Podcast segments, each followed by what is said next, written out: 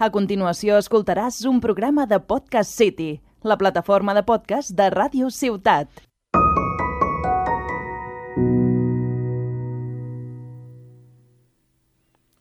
...25 de mayo de 2013, minuto 89... ...Arjen Robben convierte el 2 a 1 contra el Borussia Dortmund.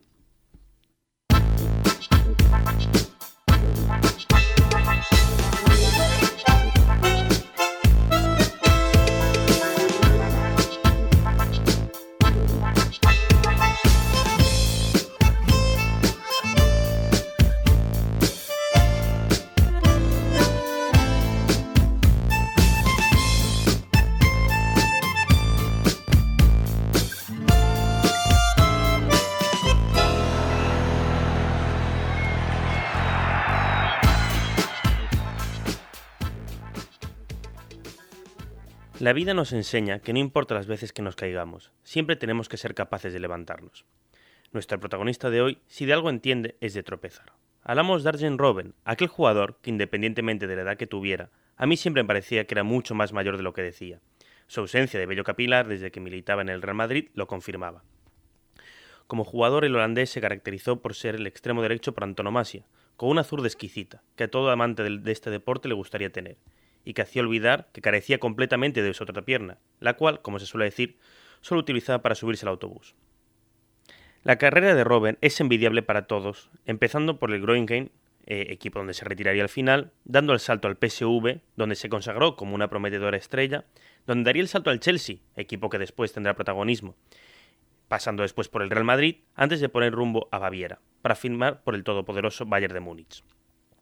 Llegó al club bávaro con la esperanza de devolver la máxima gloria a la pisonadora alemana, que a pesar de dominar con holgura la Bundesliga, no levantaba la Champions desde aquella final contra el Valencia en 2002. Junto a Ribery y Thomas Müller, formaría un trío atacante predominante en toda Europa. Sin embargo, aún le faltaría para poder conseguir la gloria europea. Primero fue el Inter de Mourinho, Schneider y Milito, en 2010, y dos años después, en el Allianz Arena, el bastión del Bayern de Múnich, un cabezazo de Drogba en el 88 llevó el partido a la prórroga, y después a penaltis, donde la suerte cayó del lado del equipo inglés, privando al Bayern de la Champions otra vez.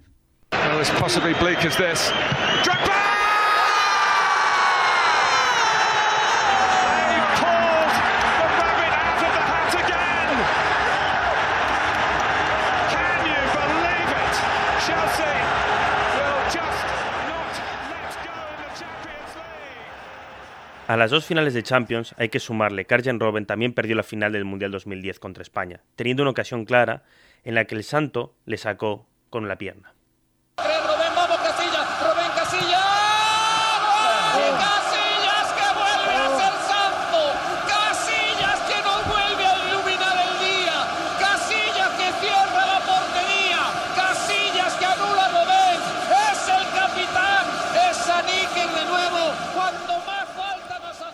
Sin embargo, y a pesar de las críticas y memes que sufrió Robben, estaba a punto de terminar.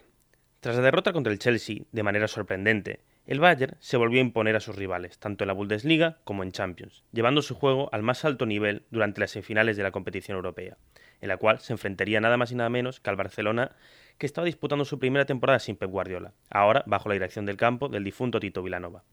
En la ida, los bávaros impusieron 4 a 0 y el cuarto gol fue de nuestro protagonista y en la vuelta en el Camp Nou las cosas no cambiaron, siendo el resultado final 0 a 3 con otro gol de Arjen Robben. En la final ya esperaba el Borussia Dortmund, que se había ganado en semifinales al Real Madrid.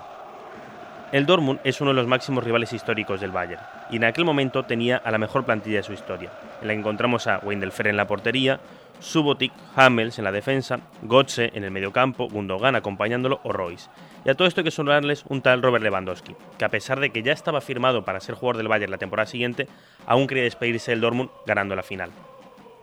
Y a todo esto hay que sumarle el técnico del Borussia Dortmund, que no es nada más ni nada menos que Jürgen Klopp, el técnico alemán que es caracterizado por vivir los partidos de una manera muy pasional y consiguió devolver al Dortmund a ser el segundo equipo de Alemania, llegando incluso a quitarle una liga a los de Múnich en 2012, siendo hasta el día de hoy la última liga que el Bayern no ha podido ganar.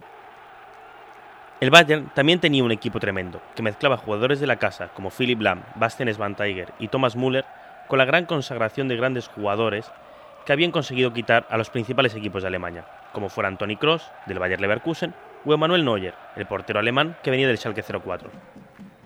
A estos hay que sumarles a los dos mejores jugadores de Alemania, Frank Ribery y el propio Robben. En ese momento, Frank Ribery fue elegido el tercer mejor jugador del año, por detrás de Cristiano y Messi. Y, nuestro amigo Robben estaba en un momento de plenitud física brutal, habiendo marcado goles importantes en la semifinal contra el Barça. A estos dos se los conoce como Batman y Robin, incluso murales del Bayern siempre los representaban así. El partido dio comienzo y fue parejo durante todo el encuentro, y no fue hasta el minuto 60 que el Bayern no abriría el marcador, con un remate de Mario Mandzukic. Pero la alegría duró poco, ya que ocho minutos después Ilkay Gundogan empataría el partido desde el punto de penalti. Dos minutos después pasó algo increíble. Müller consiguió dejar en el suelo a Winterfeller y dar un pase a Robben que se paseó por la línea de gol, y la única razón por la que ese balón no perforó la red del Dortmund fue una corrida memorable de Subotic, que evitó que el balón entrara y privando a Robben de hacer el 2 a 1. El partido se calmó hasta el punto que parecía que irían a prórroga, hasta que pasó esto en el último momento.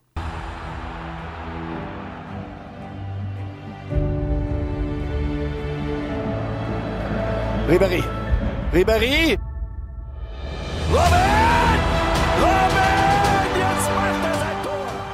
Un taconazo de Ribery dejó solo a Robben contra el guardameta alemán. Después de direccionarse hacia la izquierda, conduciendo el balón, arrastró con él al portero alemán también.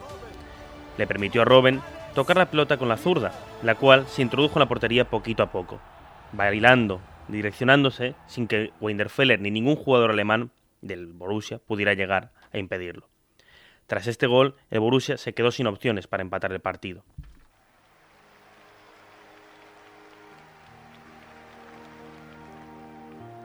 Tras el remate, Roman quedó perfilado hacia la grada de Wembley, donde se encontraban los seguidores del Bayern, a quienes el holandés se dirigió con los brazos extendidos, buscando un abrazo que hacía tiempo que él se merecía.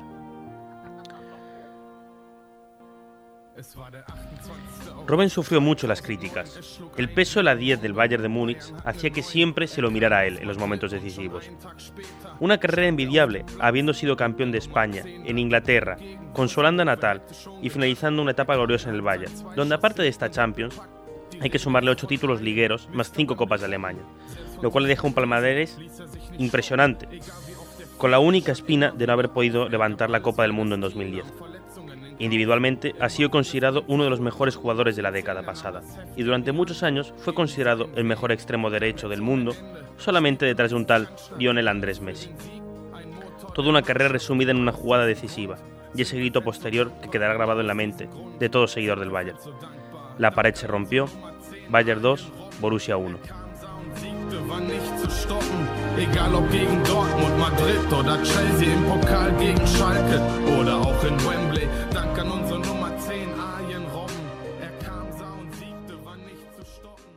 Has escoltat un programa de Podcast City, la plataforma de podcast de Ràdio Ciutat.